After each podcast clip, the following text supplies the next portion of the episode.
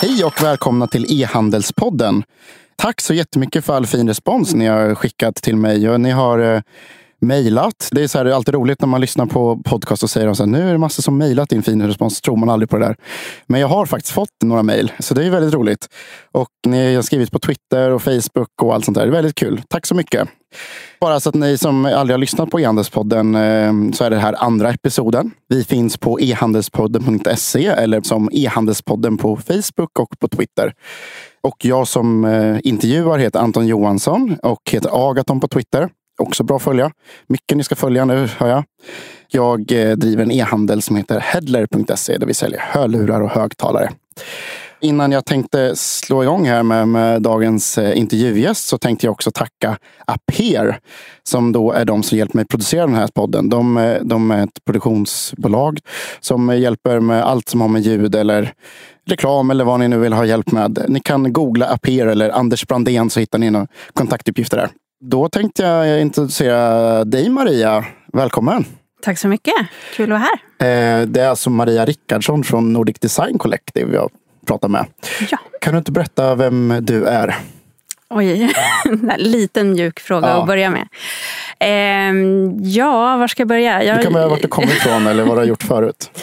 Jag är uppväxt i Upplands Väsby, en bit norr om Stockholm. Ehm, har jobbat med webben sedan 98 så jag börjar känna mig som en lite så gammal nätstofil. Mm. ehm, Då var jag nio år. Men det, ja. ja, precis. Det var inte jag. Så kan vi släppa det med åldrar där. Eh, nej, men jag började 98 på en, en webbyrå och det var ju de här glada dagarna eh, när alla skulle erövra världen och, och så. Eh, och sen så därifrån så blev jag rekryterad till Microsoft och var en av de första som började med svenska MSN. Mm. Mm. Som ju var en sökmotor från början. Faktiskt. Det är inte så jättemånga som kommer ihåg. Eh, men vid millennieskiftet så blev det en portal. Just. Eh, och då så började man bygga upp organisationer lokalt för att fylla med innehåll och sådär. Så att jag var den första redaktören. Mm. Vi var inte så många då. Det var en affärsutvecklare och en marknadstjej och vår chef i princip och ett par produktpersoner. Så vi var ett litet gäng. Som drev den här portalen då? Ja. Var det msn.se? Eller ja, ja. Mm. msn.se. Eller vi jobbade nordiskt då. Just det. Ehm, så att vi, det fanns team i, i eh, Finland, Norge och Danmark också. Var det den här som var startsida då för alla egentligen? Ja, precis. Så du hade massor som läste det du gjorde? Ja.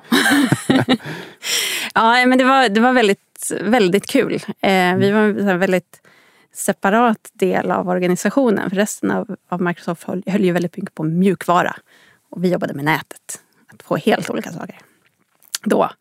Eh, så det var lite sådär startup-känsla faktiskt. Har jag tänkt i efterhand. Mm. Eh, så jag var där i tre år. Eh, och jag började som redaktör då. Sen så jobbade jag med marknadsföring en del också. Och då var ju det business to business marknadsföring och jobba mot mediebyråer och förklara för dem att internet är bra. Det. det. är bättre än offline marknadsföring.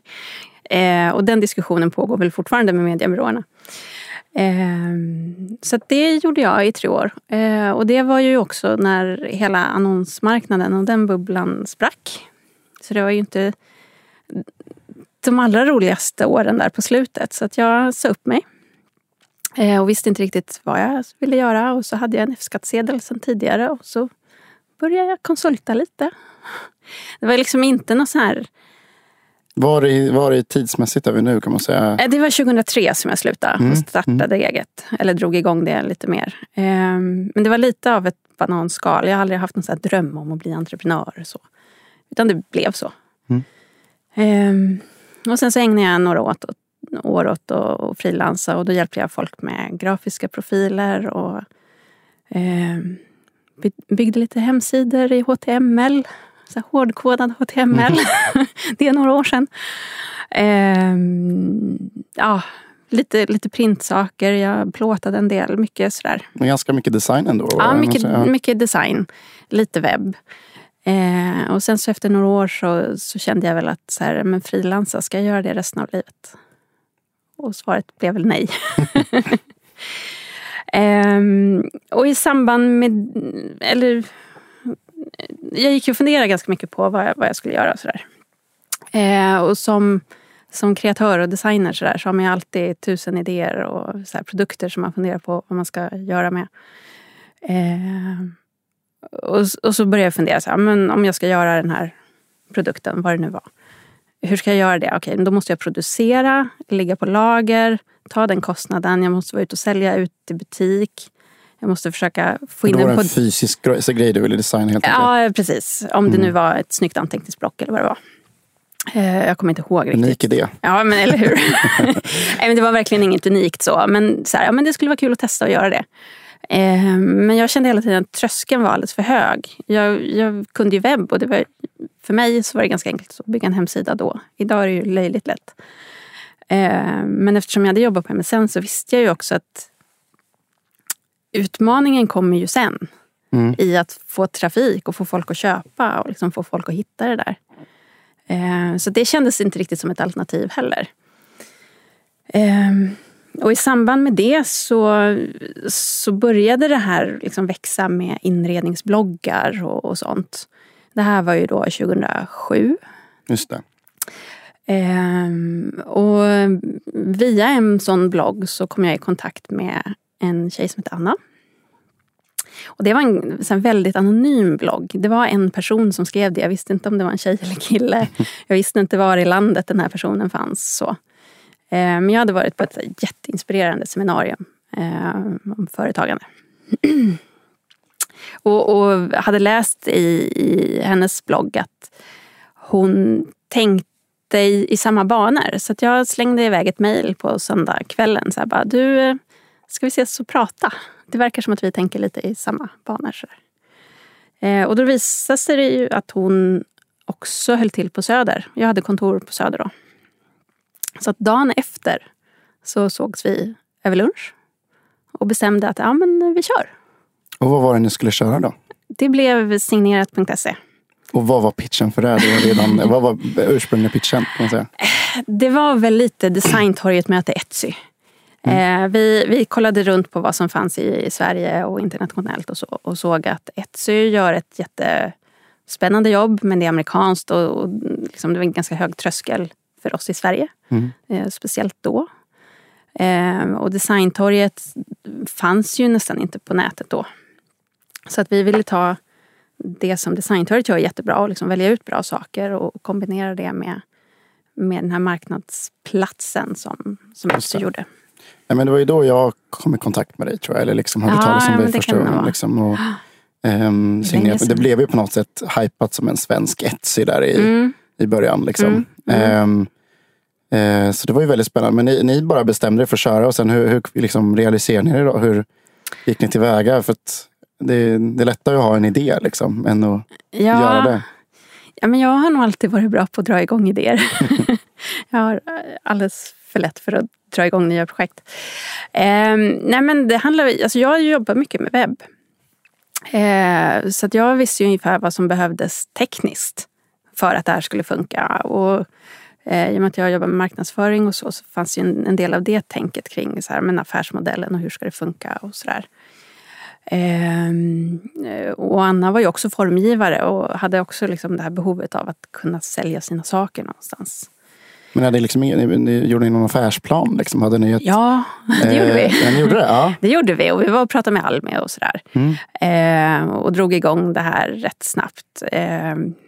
Vad menar du drog igång? Alltså, började ni bygga eller hittade någon plattform? Eller vad? då hittade vi en plattform och det var ju en plattform som jag jobbade med sedan tidigare. Mm. Eh, och... Eh, vad var det? Var det någon... Det är en, en svensk plattform. Ja. Eh, som, som väl egentligen var mer, mer ett CMS då. Okay. Mm. Eh, men vi pratade med dem och de tyckte att de skulle kunna bygga det här och, och så. Och sen så var vi och pratade med Almi och så körde vi. Vad, och sen så, och liksom vad... Kunde du någonting om e-handel då? Eller var det liksom, eller sälja? På, utan det var mer liksom själva... Nej, alltså jag hade ju inte jobbat med att sälja på nätet på det viset. Men jag har jobbat med marknadsföring på nätet i och med att jag hade jobbat med MSN. Så jag hade ju här, lite koll Lite koll. Ja. Ehm, Även om jag nog inte riktigt... Så här, första gången jag hörde konvertering så visste jag nog inte riktigt vad det var. Så här, fick slå upp det. Bara, Ja, men okej, det där verkar vettigt. Ehm, Men sen så kom vi också in på iCube Mhm. då precis i början. Och de la väl ner, det måste ju ha varit sommaren 2008 Just det. tror jag. Vi kom in typ två månader innan de la ner. Okej. Så jag sa yes eller Peppen. nej. alltså det var ju lite, lite trist så. Men det var en kick i alla fall att ha kommit med. Mm. Och liksom få den bekräftelsen på att det fanns. Gav det någonting då, de två? Eller? Ja, alltså vi hade ju jättemycket möten under de två månaderna med, med deras affärscoacher och deras Mm. nätverk. Och berättade om vår idé och sådär. Ni lärde ganska mycket då? Ja, så att det blev en ganska bra Var lösning. det då du lärde dig liksom. vad konvertering är? Nej, det var nog när jag läste Dans blogg tror jag. Ja, det var det. Okej. Alla har läst Dan All- Nilssons blogg. Det är liksom där den. man lär sig saker. Ja, jo, men det var nog ganska mycket så Ja. faktiskt. Ehm, nej, och, och där blev det väl också, eh, alltså vi höll på liksom eh, knådade ganska mycket på affärsmodellen i de här mötena. Och, och jag tyckte att det var ganska intressant att här, den första vi träffade tyckte så här, men så här ska ni göra. Ja, vad, ja, men det låter jättevettigt tyckte vi. Och så träffade vi någon annan som sa precis tvärtom. Så bara, ja, men det låter ju också vettigt. Och så fortsatte det sådär. Mm. Alla sa helt olika saker. Eh, och det tyckte jag var ganska så här, bra lärdom. Mm. Att alla man pratar med, de svarar utifrån sina erfarenheter och deras agenda eller bild av vad det är man vill göra. Men det är ju bara man själv som, som sitter inne på facit och kan sin egen verksamhet och Mm. har de erfarenheter man har och, och vet vad det är man vill göra. Mm. Så det var nog en av de viktigaste lärdomarna från, från det. Det tycker jag är väldigt tydligt i, i handelsvärlden att alla tycker olika i alla fall. Det verkar, det verkar vara fler som tycker olika än lika i alla fall. Ja, Eh, ja. men, eh, nej, men och det brukar vara en bra lärdom när man går Även på e-meet tänker jag. Mm. eller så här, man, så här, ena sessionen säger någon så här gör man och andra säger någon så här. Mm. Vilket är ganska befriande. Liksom, att man, eh, Det går liksom inte att göra fel då. nej precis, det bara, du får hålla ett eget, egen session. Så, så här Ja. gjorde vi. Ja, precis. Men eh, okej, men då, och så lanserar ni då liksom eh, x antal då produkter och från designers och så. Ja. Eller vad formgivare? Ja, vi lanserade i maj var 2008. det, 2008. Ah, Okej, mm, Ja, då hade vi, jag tror det var 32 formgivare. just det. Och hur, eh, jag som bara så jag tycker det här Mm. med försäljningen på nätet är kul. Vad, liksom, hur fick ni igång försäljningen då? Var det, liksom, det, var, det är ju inte helt lätt eh, när man börjar från scratch. Liksom. Nej. Nej, men vi hade vi hade liksom lyckats få kontakt med lite bloggare och så som skrev. Så att vi fick nog första orden. Om det var samma dag eller dagen efter. Gud vad lyxigt. Ja. Det fick inte ens det fick inte vi kan jag säga. Ehm, och det var nog till och med så att vi lyckades få någon att skriva redan innan vi öppnade. Och sådär. Mm. Så det var lite bloggarna som var... Ja, det var det ni började viktigaste med då. Liksom. ja. Ja. Okej. Inredningsbloggar är väl stort fortfarande för er antar jag? Ja, men det har blivit mycket svårare. Eh, det har ju hänt rätt mycket på de här åren. Eh, och inrednings, eller det gäller väl bloggare överhuvudtaget. Har ju blivit lite mer uppmärksamma på vad de tillför. Mm. Ja, en del tar bra betalt. En del tar väldigt bra betalt. Och många vill ta betalt även om det kanske inte alltid ger så mycket resultat som de tror att det gör. Mm. Kan jag tycka. Ehm, jag, jag har pratat med, med några. Ehm, jag var bland annat på en bloggträff. Eh, och höll en session om hur man som e-handlare tänker på trafik och konvertering och så. Och, och drog lite så här siffror som, som vi är så vana vid. Ja, men så många exponeringar och då är det liksom 0,1 av dem som klickar.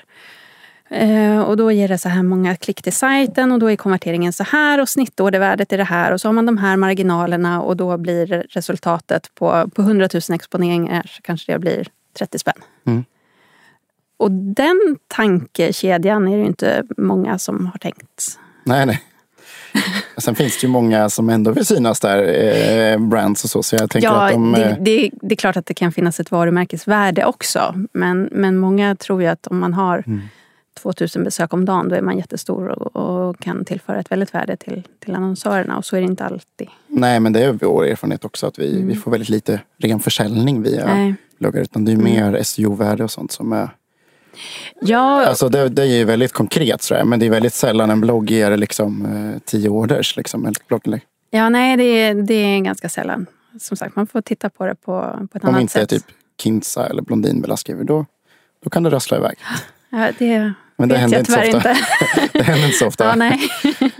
Inte. Okej, Mm. så då kom ni ut och då började ni sälja. Och, och liksom, men sen så har ju...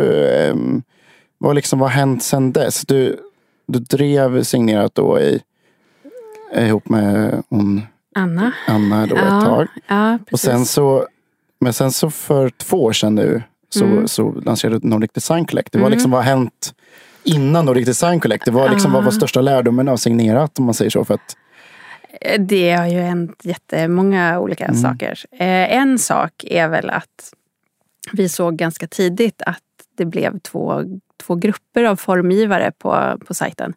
Dels så var det en grupp med hobbyhantverkare eh, och, som ville sälja för att det var roligt. Och sen så hade vi en grupp med, med mer etablerade formgivare eller designentreprenörer eller vad man ska säga.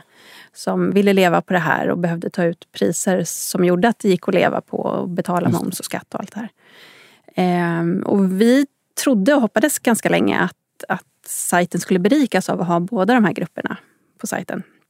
Eh, men det blev ganska tydligt efter ett tag att det blev tvärtom egentligen. Eh, för att det blev väldigt olika förväntan både från formgivarnas håll och från kundernas håll om vad det var för typ av produkter som skulle finnas där och prisnivåer och sådär. Eh, så det var det ena. Och kanske den viktigaste anledningen till att, att jag egentligen delade på sajten till där hobbyhantverkarna ligger kvar på, eller låg kvar på signerat och designentreprenörerna hamnade på Nordic Design Collective. just det. Så det var det ena. Eh, sen så var det ju väldigt tuffa år. Eh, jag var ganska sjuk under den här perioden. Eh, jag har haft en borreliainfektion som har spökat ganska mycket. Och som tog mycket energi under de här åren också. Jag var sjukskriven en del. Frustrerande och Ja, precis. Samtidigt som alltså på ett sätt så, så var det ganska bra att vara egen då för man kan styra sin tid väldigt mycket. just det. Eh, så att det fanns ju aldrig någon, någon press från något annat håll att man ska jobba varje dag. Och sådär. Nej. Eh, men jag mår bra nu. Så. Det är skönt. Men det, var, men det var så att säga, det var jobbigt att driva bolag då, liksom, Ja. eller liksom med sin egen ambition eller vad man ska säga. Ja, precis. Det var det. Och, och det var ju också så att jag och Anna hade ganska olika ambitionsnivåer kring och tankar kring hur, hur det här skulle utvecklas. Eh, så att eh, 2007 så lämnade hon. Mm. Eh, Eller 2007. Nej, Eh. förlåt. 2011 blir det. Ja. På sommaren. Jag ja. tänker att 2007, då var det väldigt tidigt. Tänker jag. ja, nej, men vi jobbade tillsammans några år. Ja, gjorde vi. precis, ja. Ehm, eh, så att 2011 Mm. så slutade hon på sommaren. Och då höll jag på och funderade jättemycket kring hur jag skulle göra. Om jag, hur jag skulle utveckla det här. Liksom. Ehm, och var i diskussioner med, med några som ville köpa upp mig. Mm. Och i de här diskussionerna så ham- eller vi diskuterade väldigt mycket kring det här med kvalitet kontra kvantitet. Mm. Eh, och där det blev väldigt tydligt att vi hade olika åsikter. Så att eh, vi gick inte vidare med, med den affären. Men jag blev ganska peppad på att så här, men jag tycker att det är jätteviktigt med kvalitet. Mm. Då är det ju det jag ska göra. Eh, så det var väl liksom den sista sparken i rumpan jag behövde för att, att starta Nordic Design Collective och fokusera på designentreprenörerna. Mm. Men, var, men var det, det jag inte tycker är intressant är, liksom, trodde du hela tiden på affärsidén? Liksom? Eller, liksom, tyckte Ja. du, eller så här, du tvekade aldrig på att det här är en jäkligt bra grej? Liksom? Nej, Alltså jag tänker när man är sjuk eller när det liksom, när man så här, och så alltså- kan medgrunden sluta och så händer massa grejer. Och så här, eh, det är klart att man får lite pepp om någon vill köpa en. Så här, det förstår jag. ja, men alltså jag har ju varit, varit på väg att lägga ner jag vet inte hur många gånger. Så det är klart så att man, eh, ja.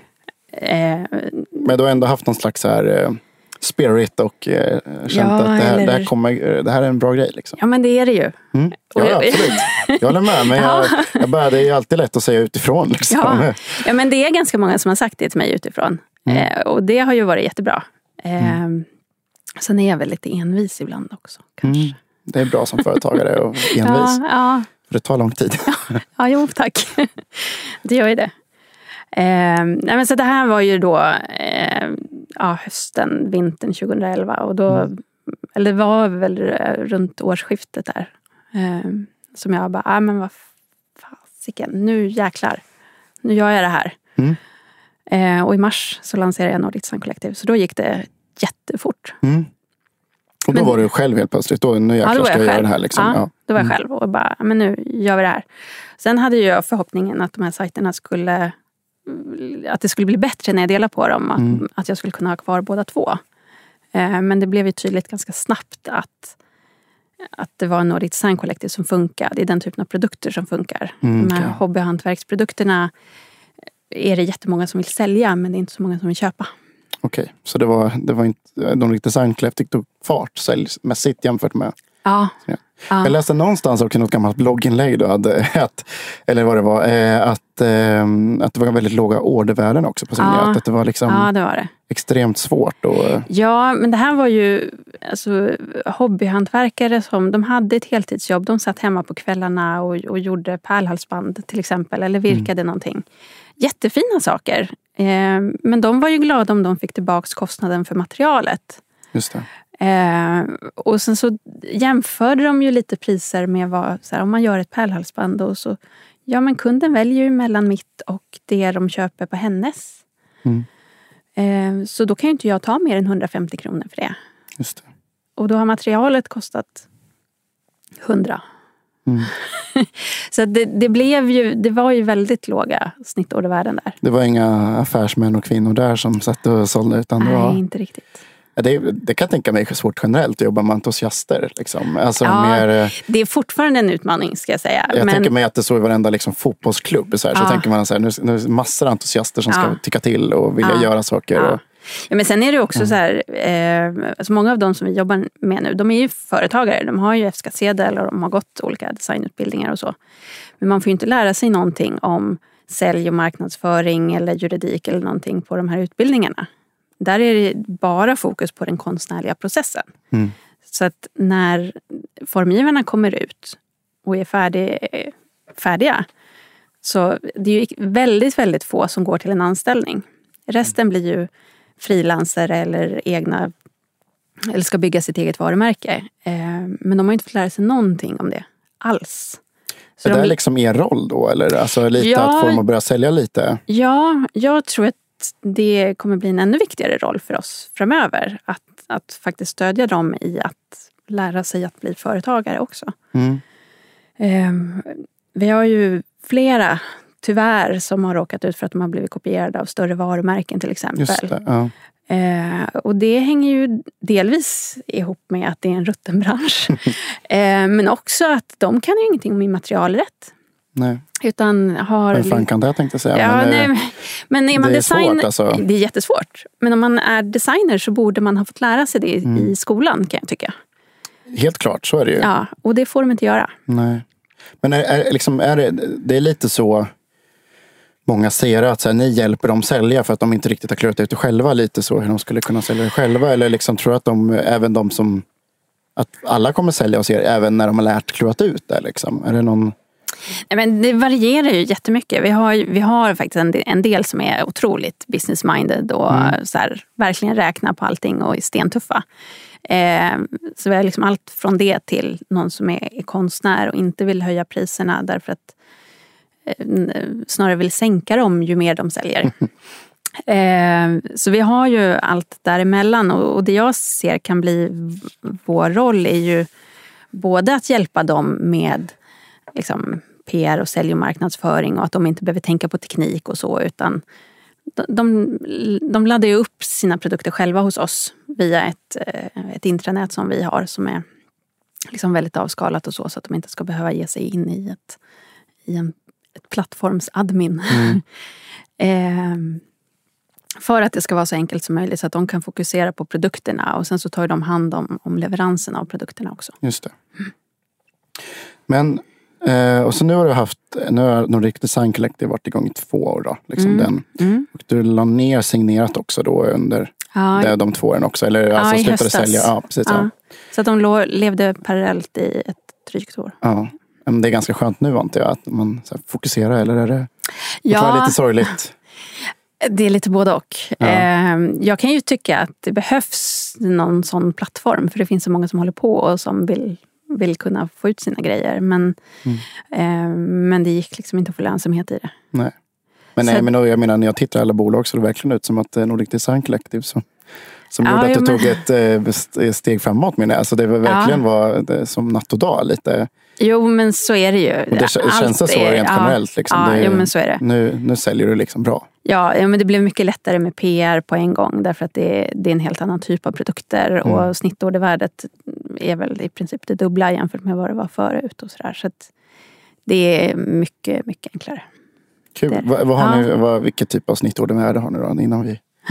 Alltså typ ungefär liksom. Ja, men vi ligger väl en bit över 600 kronor.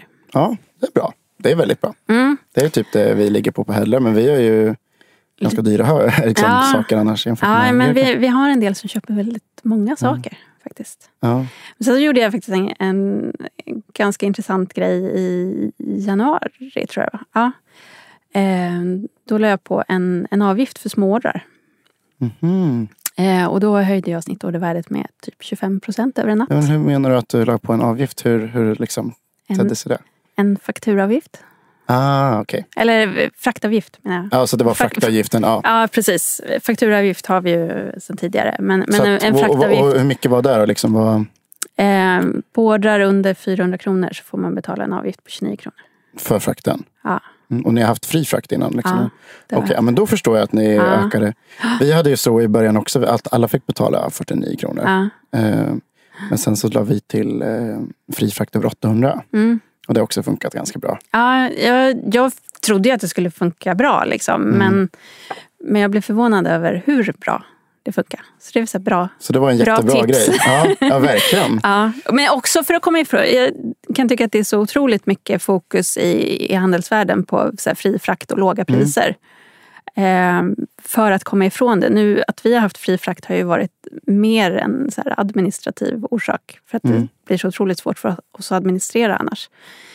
Eh, men, men även det här med liksom, eh, hela prisfokuseringen tror jag blir fel. Men då, då är det lika bra att vi tar er modell nu också. när vi ändå precis. Ja. Så här, för ni, ni låter alltså formgivare sälja hos er. Ja. Och de sitter på egna lager. Mm. Alltså de skickar direkt till kund. Liksom, sådär. Mm. Eh, och ni tar en procent då, eller hur funkar det här då? Ja. Hur ungefär någonstans? Vi tar en provision på 35 procent. 35 procent. Mm. Eh, och det är på liksom rakt av liksom, Ja. så här på mm, ordervärdet. Hur, eh, och så behåller ni fraktavgiften nu också antar jag? Eller hur? Ja, i de fall det faktiskt blir en, en fraktavgift. Är- Må- Målet är ju att kunderna inte ska betala den utan att de det. ska handla mer istället. Nej, men jag tänker typ eh, Fyndiq har ju liknande också. Att Ja. de, de behåller fraktavgiften och sådär. Ja, precis. Vilket ju är liksom en substantiell viktig Mm. intäktskälla för er eventuellt. Liksom, Mm. kan jag tänka mig. Eh, Men då bra, då har vi fått lite sådär. Mm. Men då, och det, det kostar ingenting liksom att ligga hos er eller sådär? Alltså fast avgift eller är det... Nej, vi hade det förut men det har vi faktiskt tagit bort och så höjde vi provisionen istället. Okej, och det funkade bra att göra?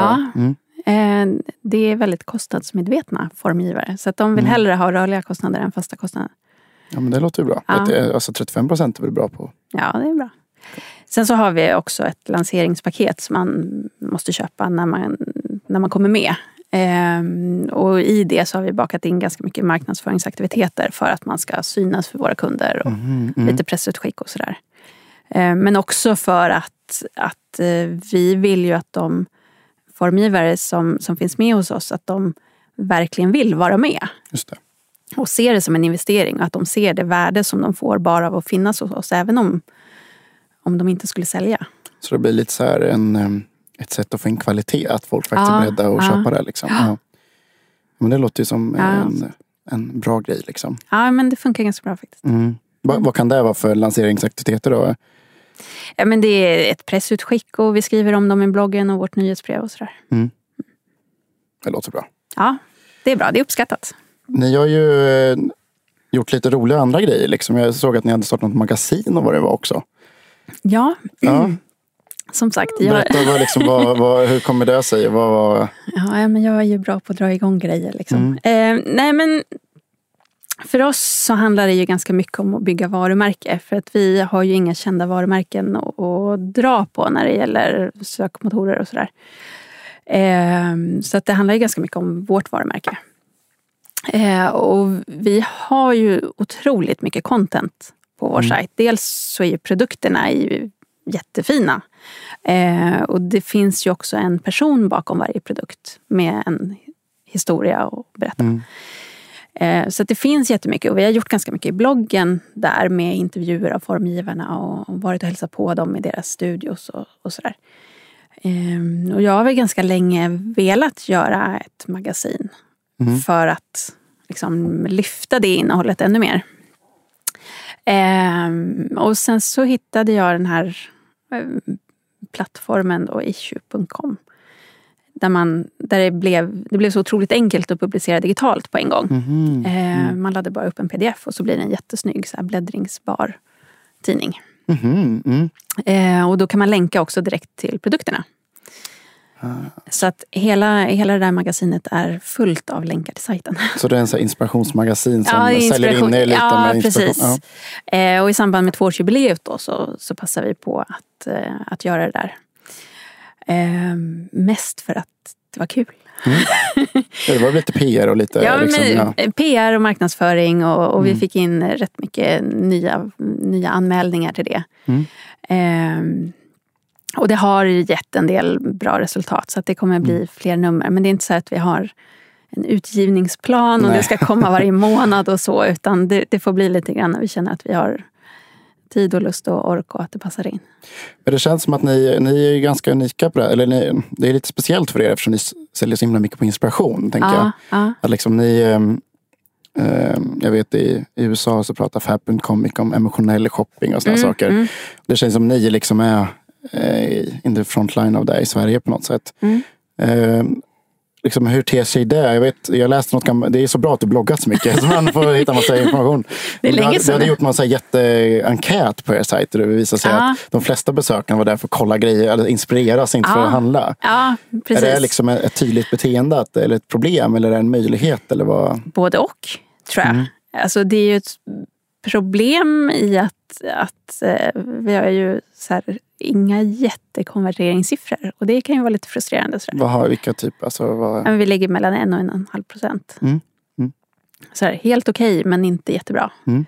Men jag tror att det är mycket för att det är inspirationsshopping. Man kommer tillbaks eh, och, och, ofta och tittar. Eh, så det är väl liksom, det är både och. Eh, sen är det klart att det är en möjlighet för att vi också med den typen av produkter vi har, de är ju ganska unika. Så att vi kan ju verkligen bygga innehåll och liksom fånga in folk igen och få dem att återkomma ofta. Mm. Så det, är, det är både och. Sen gäller det att liksom hitta sätt att verkligen fånga upp folk och knyta Det är inte väldigt viktigt att ha mycket nytt innehåll då ofta också? Alltså jag tänker mycket produkter. Så ja. att eh, folk vill, vill liksom mm. hitta nya produkter hela tiden. Ja, nya produkter och nya formgivare. Och sen så gör ju vi en hel del fotograferingar och sånt där också. För att ha material och skicka till press och köra på Facebook och Instagram och Pinterest och mm. allt. Men vad, mm. hur många produkter har ni nu då?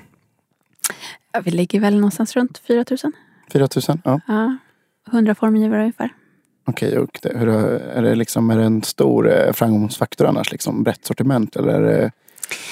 Jag tror att det är viktigare att ha rätt sortiment än mm. brett. Mm. Ehm, och, och, det är ju en utmaning förstås. Vi, fördelen med vår modell är ju att vi inte har något lager. Liksom. Vi, mm. vi binder inget kapital och, och, vi behöver inte hålla på med logistiken. Nackdelen är ju att vi har ju ingen kontroll på sortimentet. Nej. För det är ju formgivarna själva som lägger upp. Så att vi, det är ofta vi sitter så här och kollar första sidan och bara Åh, kolla har du sett den här nya? Gud vad snygg den var. Liksom. Så att, Ingen produktgranskning eller så? Innan, nej. nej. Vi godkänner formgivaren och sen så får de princip fria händer. Men det har hänt att ni tagit bort saker? Liksom, ja, det har hänt, men väldigt sällan. Mm. Det är väl någon, För det är någon som, enstaka menar, gång tror jag. Fyndik har ju ett helt gäng sitter och liksom ja. så här produktgranskar allting mm. och är väldigt noggranna med det. Men det mm. kanske, ni har inte riktigt haft samma behov? Nej, det har vi inte. Och det hänger ju säkert ihop med vad det är för typ av liksom, nisch man jobbar i också. Mm. Jag jobbar ju med formgivare som är väldigt måna om att, att att det ska se bra ut och mm. att det ska vara bra produkter. Det är väldigt snygga bilder liksom och ja, allting. Så och det tar ju de själva. Ja. Så att, eh, eh, vi, vi kan ju säga nej till folk för att de inte kan ta tillräckligt bra bilder. Mm. Även om produkterna är snygga, om de inte kan ta bra bilder så då får de fixa bra bilder så är de välkomna tillbaka. Men annars så får de inte komma in. Men jag tänker ändå så här, ni, ni har 4 000 produkter. Och, vad, Mm. Skulle ni inte sälja mer om ni hade 8 000 produkter eller liksom 20 000 produkter? Jag vet inte, det blir ju svårare att hitta bland dem också. Ja, så är det. Men jag tänker det är många andra e-handlare som Ja. liksom haft det som Ja, att det, det, alla, det, det är en här vedertagen regel annars inom e-handel. Ja, att desto fler ja. produkter desto mer säljer man. Men det kanske inte riktigt, riktigt ser den effekten. Liksom. Nej, jag gör inte det faktiskt. Vi hade ju, alltså vid ett tillfälle under signerat-perioden så Alltså vi har ju testat så otroligt mycket grejer Mhm. genom åren. Eh, men under en period där så, så la vi in eh, två olika medlemskap och i, i, för att liksom lyfta upp de här designprodukterna lite mer. Och då, då rensade vi ganska hårt. Mm. Och för att få in liksom, ja, en högre kvalitet på produkterna. Ehm, så då fick vi ju väldigt mycket färre produkter men försäljningen ökade. Mhm. Så det är ingen sanning. Men är det, är det så i er försäljning också att det är ett gäng riktigt populära produkter som säljer mest? Liksom? Eller är det, Nej. det är väldigt lång svans ändå? Av, Ja, det är det. Ehm, alltså på vår topplista, så här tio i topp, så kan det ju ligga produkter som så här, under en vecka har sålt två stycken. Mhm. Mm. För att det, det är jättemånga produkter som säljer så här en och en. Mm. Ehm, Så långa svansen är väldigt viktig. Den- men frågan är den- hur lång den ska vara. Ja, precis. Det är alltid en balans mellan att ha, ha väldigt mycket och, och liksom låta folk hitta det.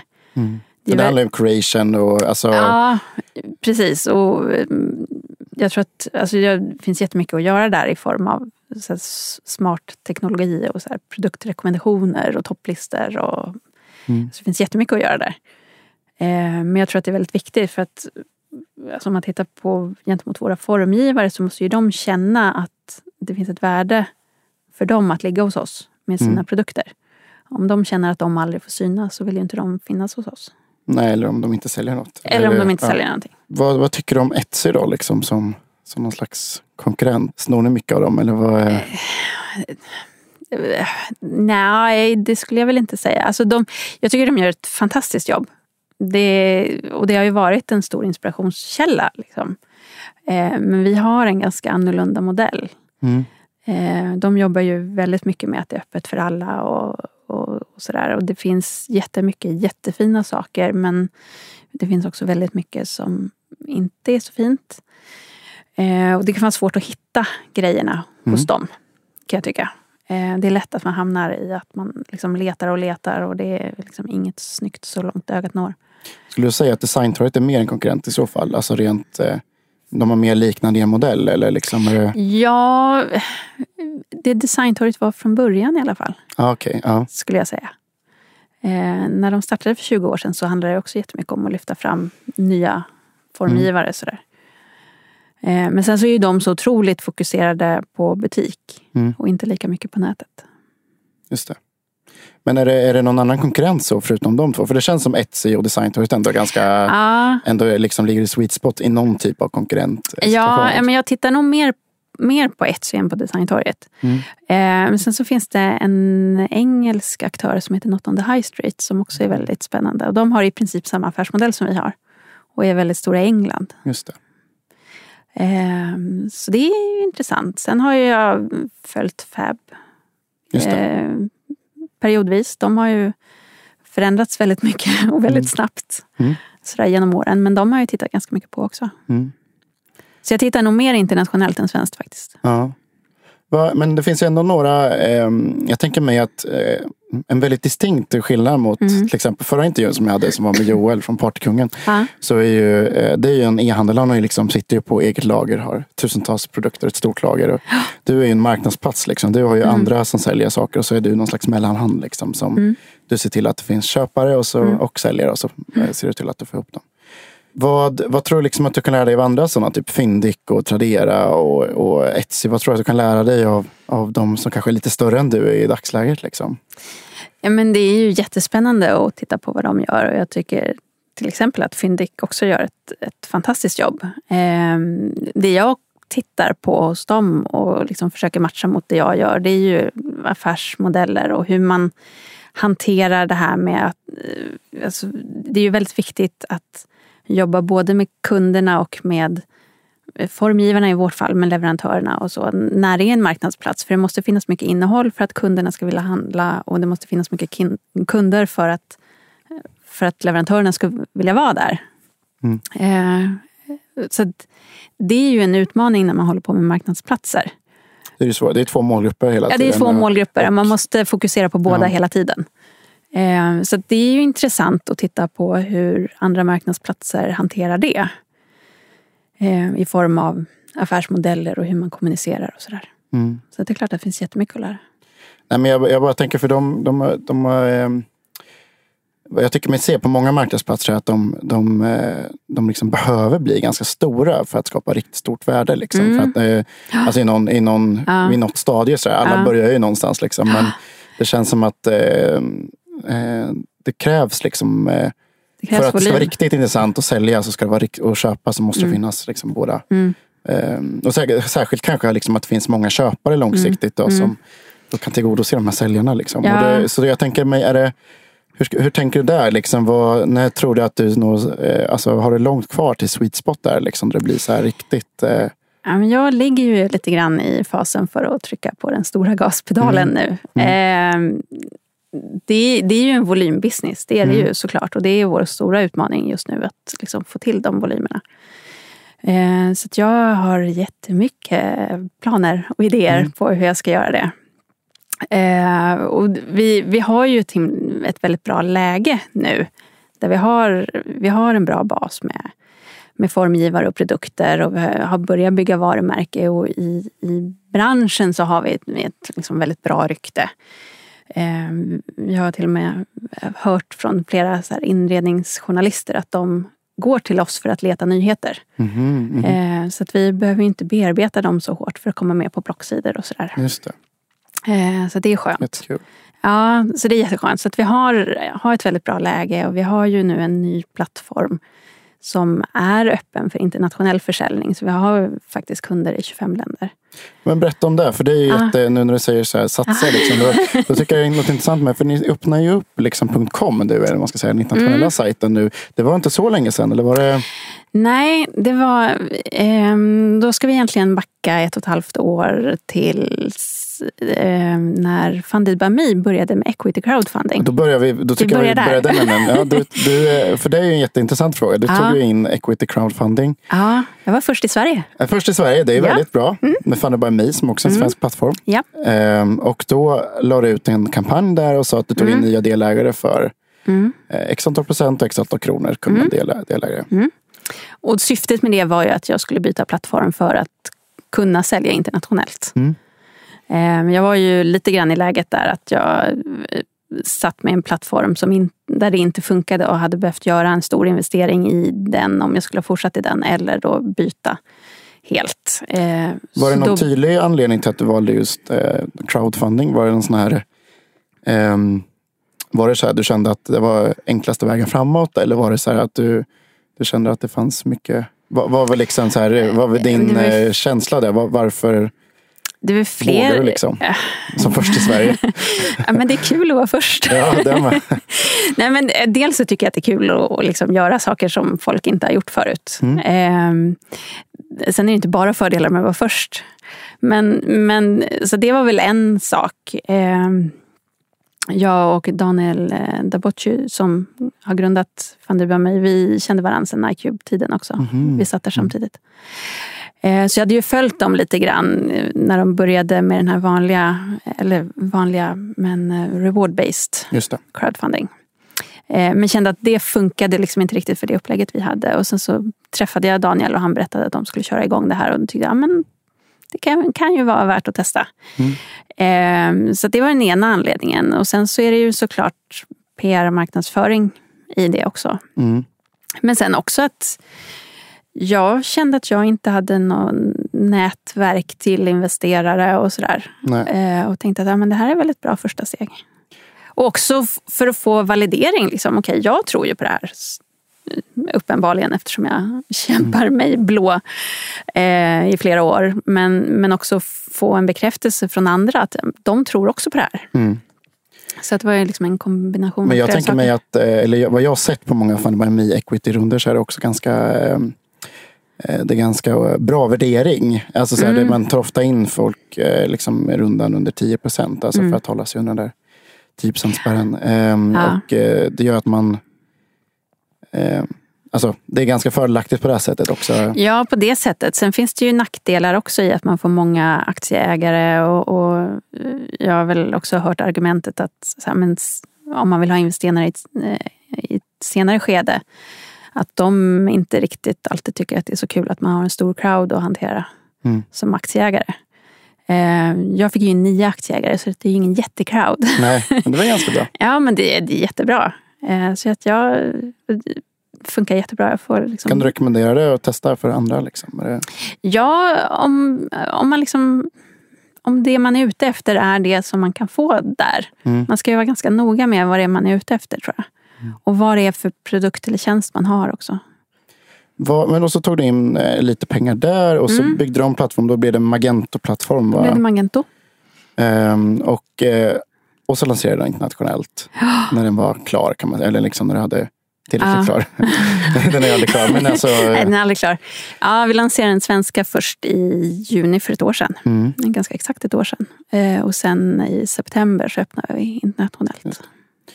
Och, eh, men det måste vara, jag tänker mig att så här, jag, jag kan se framför mig att det är okej och så att säga, rent tekniskt och, Mm. och sajtmässigt. Så här. Men Mm. vad jag tycker är lite utmaning är ju sådana saker som mycket av den marknadsföringen man ser som naturlig här, SEO liksom, Mm, eller SEM. mm. Så här, det blir väldigt svårt när man säljer till hela världen eller till hela Europa eller vad man ska säga. Ja, det är ju inte en tydlig målgrupp Nej, direkt. nej jag menar det är inte så lätt att synas i Google på eh, Nej, Eller är liksom, är det, har, det, har det varit stor utmaning på det här sättet? Att ni inte har liksom har... Ja, och vi har inte riktigt heller haft tid att fokusera så mycket på det som vi skulle behöva. Eh, vi, har, vi har ju fått in en del kunder och alltså, delvis så beror ju det på att designintresset är globalt. Eh, och det finns många liksom, globala designbloggar. Eh, så fort man skriver på engelska så får man ju en helt annan liksom, följarvolym än om man skriver på svenska. Eh, så att vi ville väl ha möjligheten. Sen har vi inte riktigt haft resurser nog att liksom, fokusera på den marknadsföringen och, Mm. och få det att växa. Så det är väl en av de sakerna som vi vill göra framöver nu. Precis, men vad, och, vad är målet då? Liksom, om man tittar på vad skulle du vilja göra med, med Nordic Design Collective? Nu? Oj! Nej, men liksom, vad, vad skulle du vilja, eh, liksom, vill du ja, vad, vad, så här, vill du öka mycket omsättning eller liksom, vill Ja. du ha en, vad, vad, är för, ty- vad är det för typ av mål du ser framför med dig? Liksom? Nej, men jag vill ju att, att vi ska vara eh, första valet av plattform när man kommer som, som ny formgivare och har en ny produkt som man vill nå ut med på marknaden. Eh, för att hos oss så får man bra uppmärksamhet och man får bra stöd och man får bra försäljning. Mm. Det, det är väl liksom mitt mål. Och att man som kund vet att liksom går man in på Nordic Design Collective så finns det alltid asmycket skitsnygga grejer. Mm. Och så kan man fastna där och, och liksom råkar klicka hem jättemycket fint. Som det är så lätt att göra när man håller på med e-handel. Mm. Ehm, så det är väl målet. Jag vill att det här ska bli jättestort. Mm. Ehm, Så du vill skapa ett stort företag? Liksom? Ja, ja, jag vill bygga ett stort företag. Mm. Jag, eller stort företag i, i form av omsättning. Det behöver nödvänd, nödvändigtvis inte vara stort i form av personal. Jag tycker att man ska göra saker liksom smart och effektivt. Liksom det jag har lyckats göra mer eller mindre själv, eh, men med mycket bra folk runt omkring. Eh, liksom med, med de resurserna jag har haft så har jag byggt någonting som inte borde gå att göra. Nej. Så är det ju. Eh, men det har ju gått. Så att jag, jag har blivit ganska bra på att göra saker smart och effektivt. Men du har en anställd nu också. Jag är en anställd nu. Mm. Mm, En annan rolig sak jag hörde, du, du ska ha en pop-up butik nu. I, Ja, ja, det är inte riktigt färdigt och signat och klart. Men tanken. tanken finns där, eller det är mer än en tanke. Eh, planen är att vi ska ha en pop-up butik under hösten. Mm. Och då, eh, jag tänker mig, liksom, är, det, är det någon... Eh, eh, alltså multichannel på det här sättet? Eller man ska säga. Är det någon slags, Ja. liksom, eh, vad får dig att vilja testa det? Liksom? Ja, men dels så är det väl något nytt som jag inte har gjort förut. Återigen. Eh, men framförallt för att jag tror att det behövs för att bygga ett starkt varumärke och liksom mm, för att växa online också. Mm. Det är inte för att jag alltid har haft en dröm om att ha en egen inredningsbutik. Snarare tvärtom. Jag vill inte bli stående i en butik med butikstider. Det är därför jag jobbar med webben, för att det är fritt. Och man kan jobba lite var som helst ifrån. Eh, Men jag tror jättemycket på multikanal eller omnikanal eller vad man nu ska kalla det. Eh, Både för att liksom stärka varumärket och hitta nya kunder offline som man inte hittar online för att de vet inte att vi finns. Eh, Men också för att kunna använda butiken och, och producera material som vi kan använda online. Och också fånga upp liksom kunder och driva dem till webben. Jag tycker det är väldigt spännande idé. Alltså, eh, rent generellt att typ ha pop-up-butik under julhandeln. Ja. Det skulle liksom vi, jag tänker många e-handlare kanske Ja. liksom inte det kanske inte är så intressant idé egentligen att ha en, en stor butik året runt. Liksom. Nej. Eller så här, men att under julhandeln så att tänk dig att ha liksom tre pop-up butiker då. Jag tror Ja, man kan ja, fånga visst. upp jättemycket försäljning via den vägen. Alltså. Ja, om man gör det smart och tänker att det är en förlängning av webben så tror jag att det kan ge väldigt mycket på sikt också. Ehm, och som det ser ut i butiksvärlden idag så har man ju en ganska bra förhandlingsposition. För Kan vi och säga. För lokaler Mm. och, och så kan vi ju säga. Ja, men det, är många, det är mycket som står tomt. Där. Det är mycket som står tomt. Eh, och man det, är, ju- dessutom... det är alla vi e-handlares fel också att det står tomt. Så vi har ju en bra förhandlingsläge där också. Ja. Liksom. Ja, nej, men alltså, om man tittar i, i många köpcenter till exempel så, så är det ju mycket tomma lokaler och det är mycket stora kedjor och det är samma kedjor i varenda köpcenter. Så de är ju jätteintresserade av att få in någonting nytt och spännande som inte finns överallt annars. Mm. Så att man har ju väldigt bra liksom, möjligheter att göra något nytt och spännande och få uppmärksamhet kring det. Hoppas jag i alla fall, det är min plan. Det kommer att gå jättebra. En annan sak jag tänkt på ni är ganska, väldigt duktiga på är ju sociala medier också. Eller man ska Mm. säga. Och, och eh, ni har ju Facebook och ni har en blogg som är jätteaktiv och ni Mm. liksom producerar väldigt mycket bra. Ehm, ett, en sak som många, många är sugna på tror jag är det här med Pinterest. Ja, Eh, har ni liksom knäckt koden där eller har ni Nej. några tips? Liksom? Eller? Nej, tyvärr inte.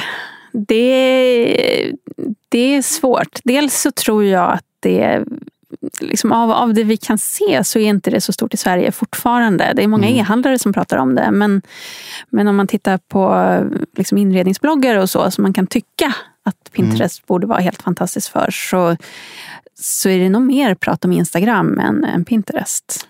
Men ni kör Instagram också, det funkar där? Ja. Liksom, Det Ja, det funkar bättre. jag tycker det är Faktiskt. väldigt svårt också. Men det är ju, Ja, men det är svårt. Och det är framförallt väldigt svårt att mäta. Mm. Eftersom man inte kan ha länkar i Instagram. Nej, precis.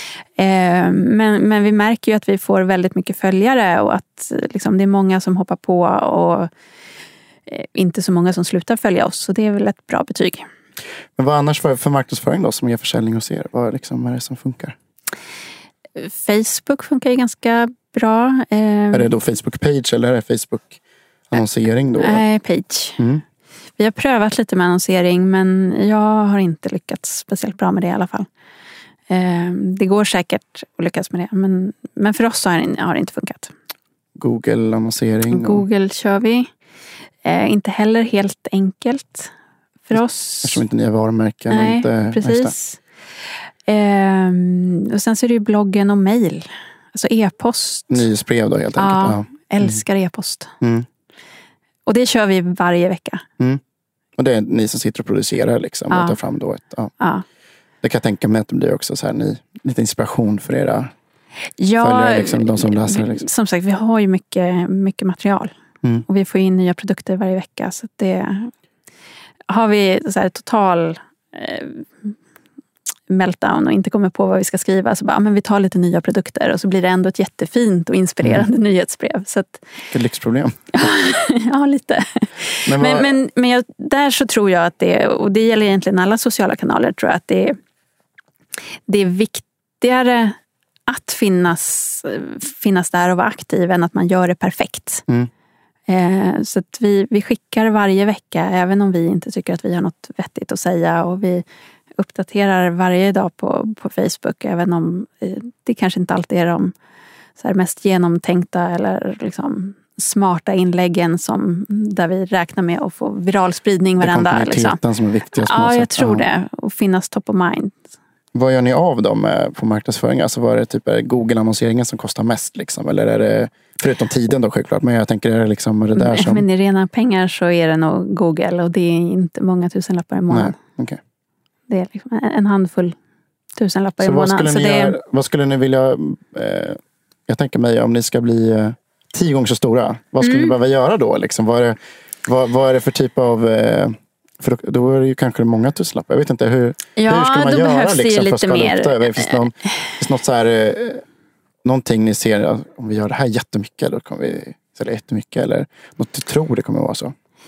Jag tror att det kommer vara en mix av flera olika saker. Jag, mm. jag tror ju ganska mycket på alltså content marketing är ju så hett nu. Mm. Men, men vi har ju redan mycket innehåll, men att jobba ännu mer med det och kanske mer mer tillsammans med, med bloggare och, och, få ut det ännu mer. Och det behöver man ju budget till eftersom eh, de har börjat ta ganska bra betalt för, mm. för det de gör. Eh, så dels den typen av marknadsföring. Eh, och sen så tror jag att det finns mycket att hämta om man skulle lägga ner en del på SEO till exempel. Där, mm. där tror jag att vi har fortfarande väldigt mycket att hämta. Har ni mycket via SEO idag, trafik? Eller? Eh, ja, en del. Vi skulle kunna ha väldigt mycket mer. Mm. Eh, men sen så tror jag att en del offline-kanaler kan vara spännande också. Och om man hittar rätt mix och kan knyta ihop det med online. Det. Men, men, som sagt, vi behöver bygga varumärke och då, då räcker det liksom inte med, med Google. Om folk inte vet vad de ska söka Nej. efter så, så, så blir det ju svårt. Nej, jag tänker också, ni har ju varit väldigt duktiga på PR och så rent mm. generellt. Alltså, det har ju mm. varit en, jag tänker med det här magasinet ni gjort och alla de här mm. grejerna. Det, mm. det är ju inte bara en en grej i sig själv utan det är också ett, en PR-insats så att säga. Ni, ja, men det är det ju. Alltså, ni, det ni syns ju mer än, eh, än vad andra gör, tycker jag, på PR, alltså mm. PR-mässigt. Ja, men det är skönt att höra. Så jag tänker mig någonting som andra ja. handlare har mycket att lära av er. Mm. Ja, men jag tror att det handlar jättemycket om att ha en, en bra produkt faktiskt. Ha, något, ha en story att berätta och, och, och se till att, att, få ut det. Liksom. Se till att berätta den också. Ja, men se till att berätta den. eh, nej, men det är en viktig grej. Men ja, mm. just det, en, en fråga också. Vilka är era största produktkategorier? Då? Liksom, jag... Posters. Eh, posters det stora, ja. Det är vår absolut största kategori. Eh, dels så är det den i antal största kategorin. Eh, och det hänger väl kanske lite ihop med att det är den som säljer mest också. Men sen så är det, jag har hört det från andra också, liksom, att det, det, är en väldigt tacksam produkt. Dels är den väldigt enkel att producera och det är många mm. av de posters som vi har på sajten som inte finns förrän någon beställer den. Just det. Eh, så det är jätteenkelt för en illustratör att lägga upp ett nytt motiv. Man lägger bara upp liksom en, en JPEG och så får man se om det är någon som vill köpa den. Mm. Så det är en väldigt riskfri produkt på det viset. Och sen så som kund så är det en väldigt enkel produkt. Så liksom, det är enkelt att byta ut hemma. Mm. Kostar inte så mycket och har man bytt ett par tavlor så blir det, det helt... poster som gäller alltså? Det är... ja, det är, det är en bra produkt. Ja. Eh, men eh, där är väl också igen det här med snittordervärdet. Så här, det går inte att ta hur mycket som helst för en poster. Nej. Så det finns en del att göra? Ja, gud ja. Det finns, det finns alltid mycket att göra. Vad händer framöver för Nordic Design Collective? Och... Ja, men jag har ju stora planer som sagt. Eller, jag, jag ser att vi har jättemycket mer att göra inom jättemånga olika områden. Dels e-handel förstås. Som, som jag, det kommer alltid vara liksom hjärtan, hjärtat och kärnan i, i vad vi gör. Eh, där finns det jättemycket att göra. Mm, både med det vi har och i Sverige men även internationellt såklart. Eh, det här med pop-up är ju, alltså den här pop-up-butiken är ju väldigt mycket ett test för att se hur vårt koncept funkar offline. Jag tror att det kanske kan bli mer, mm. mer off, liksom retail. Du ska gå efter designtorget helt enkelt. Det är bara krossa dem. ja, det är dina ord. ja, jag tar på mig den. Ja, eh, nej, men sen så ser jag också att vi kan göra väldigt mycket i form av att liksom, stötta formgivarna med, med att hjälpa dem att göra bättre produkter och bli bättre företagare. Så, så, att, så att, eh, nej men jag har stora planer och är ute och pratar med en del investerare nu. Och så, mm. så vi får se vad som händer. Det blir ingen crowdfunding den här gången tror du? Inte den här gången, Nej. tror jag. Eh, och det hänger väl lite grann ihop med att jag eh, Dels så känner jag att jag behöver mer pengar förstås för, för att kunna skala upp det här. Men också för att jag vill få in lite mer kompetens och stöd runt mig. Mm. Jag är van vid att göra allt själv och trolla med knäna. Och det är ju bra. Man kommer långt på det och det kan vara ganska kreativt. Men, men jag kan ju sakna liksom, eh, ett strukturerat bollplank och folk som mm. hjälper mig att lyfta blicken ibland. För det är väldigt lätt att fastna i, i små detaljer som men vad hände med, med konverteringen på den där annonsen? Eller den här formgivaren har inte kommit igång än. Varför det? Och så där. Jag tror att det är många eh, e-handlare alltså e, inom e-handelsvärlden som behöver gå från företagare till företag. Eller man ska ja. säga, ta det, ja. vare sig det är att man eh, skaffar en styrelse eller ja. anställer. Eller man ska säga att man Eh, ja, att man precis. kommer till det här stadiet mm. så man faktiskt tar de stegen. Är, och du har, ju, du har ju gjort det, men det är, det, det är alltid en, ett projekt. Liksom. Ja, och, och det känns väl som att det är nu som jag håller på att sätta det ännu mer med att eh, faktiskt ha anställt min första person, vilket är en jättemilstolpe. Mm. Men också försöka få in, in eh, kompetens i form av, av en styrelse och, och då hitta investerare som som vill vara med mig på den här resan och stötta mig i den här resan. Mm. Sen har jag haft väldigt mycket, mycket bra personer runt omkring mig ändå. Som jag har bollat mycket med. Men det har väl kanske inte varit riktigt lika strukturerat och så som ett styrelsearbete blir. Spännande. Finns mm. det mycket, eh, blir en follow-up om tre år? Då, ja, då, får, då kanske jag liksom får åka till till, eh, till Berlin eller London för att träffa dig. Eller någonting. Man vet aldrig. Nej, man vet aldrig. Nej, vad kul. ja. Ja, eh, avslutningsvis, vem mm. borde jag eh, intervjua här i Handelspodden då? Gud, vilken jättesvår fråga. Ehm, jag är lite nyfiken på Ida Backlund som driver Rapunzel. Mm. Mm. Henne har jag inte hört så himla mycket av i e-handelssammanhang. Nej, det är sant. Det vore spännande. Ja, jag tror att hon har gjort en väldigt spännande resa. Är du kund eller är du? Nej, Nej. Det är jag inte. Du bara, du är bara sugen på att höra om, ja, om, precis. om resan? Ja. Jag är imponerad av, eh, av det hon har gjort och eh, det låter som att hon bitvis har haft en ganska tuff resa också. Eller, hon, hon har ju en väldigt speciell nisch. Ja, det får man säga. I, i form av löshår då, för de som inte vet vad Rapunzel är. Um, så att jag, det verkar som att hon har gjort en jättehäftig resa. Så det skulle jag vilja höra mer om. Kul. Då får jag kanske styra upp då. Ja, får göra det. Ja, tack så mycket Maria. Tack själv. Eh, och du kan följa Maria på, eh, vad heter du på Twitter? M. Rickardsson. och så kan man gå in och handla hos er på nordicdesigncollective.com. Eller .se. Eller .se. Ja, ja, precis. Båda funkar. Då tänkte jag tacka Aper som alltså hjälpt mig producera den här podcasten. Eh, och eh, ni får helt enkelt googla Anders Brandén om ni behöver hjälp med podcast eller ljud, ljudgrejer eller någonting via dem eh, framöver. Kan jag starkt rekommendera. Och som vanligt kan ni gå in på ehandelspodden.se och hitta den här podcasten eller vår, vårt tidigare avsnitt. Vi finns också på Soundcloud och iTunes. Förra gången så kom avsnittet upp på iTunes lite senare, men idag så kommer den upp lite snabbare. Ni får jättegärna komma med feedback också. Det är förslagsvis via Twitter på e-handelspodden, e-handelspodden. På återseende. Tack!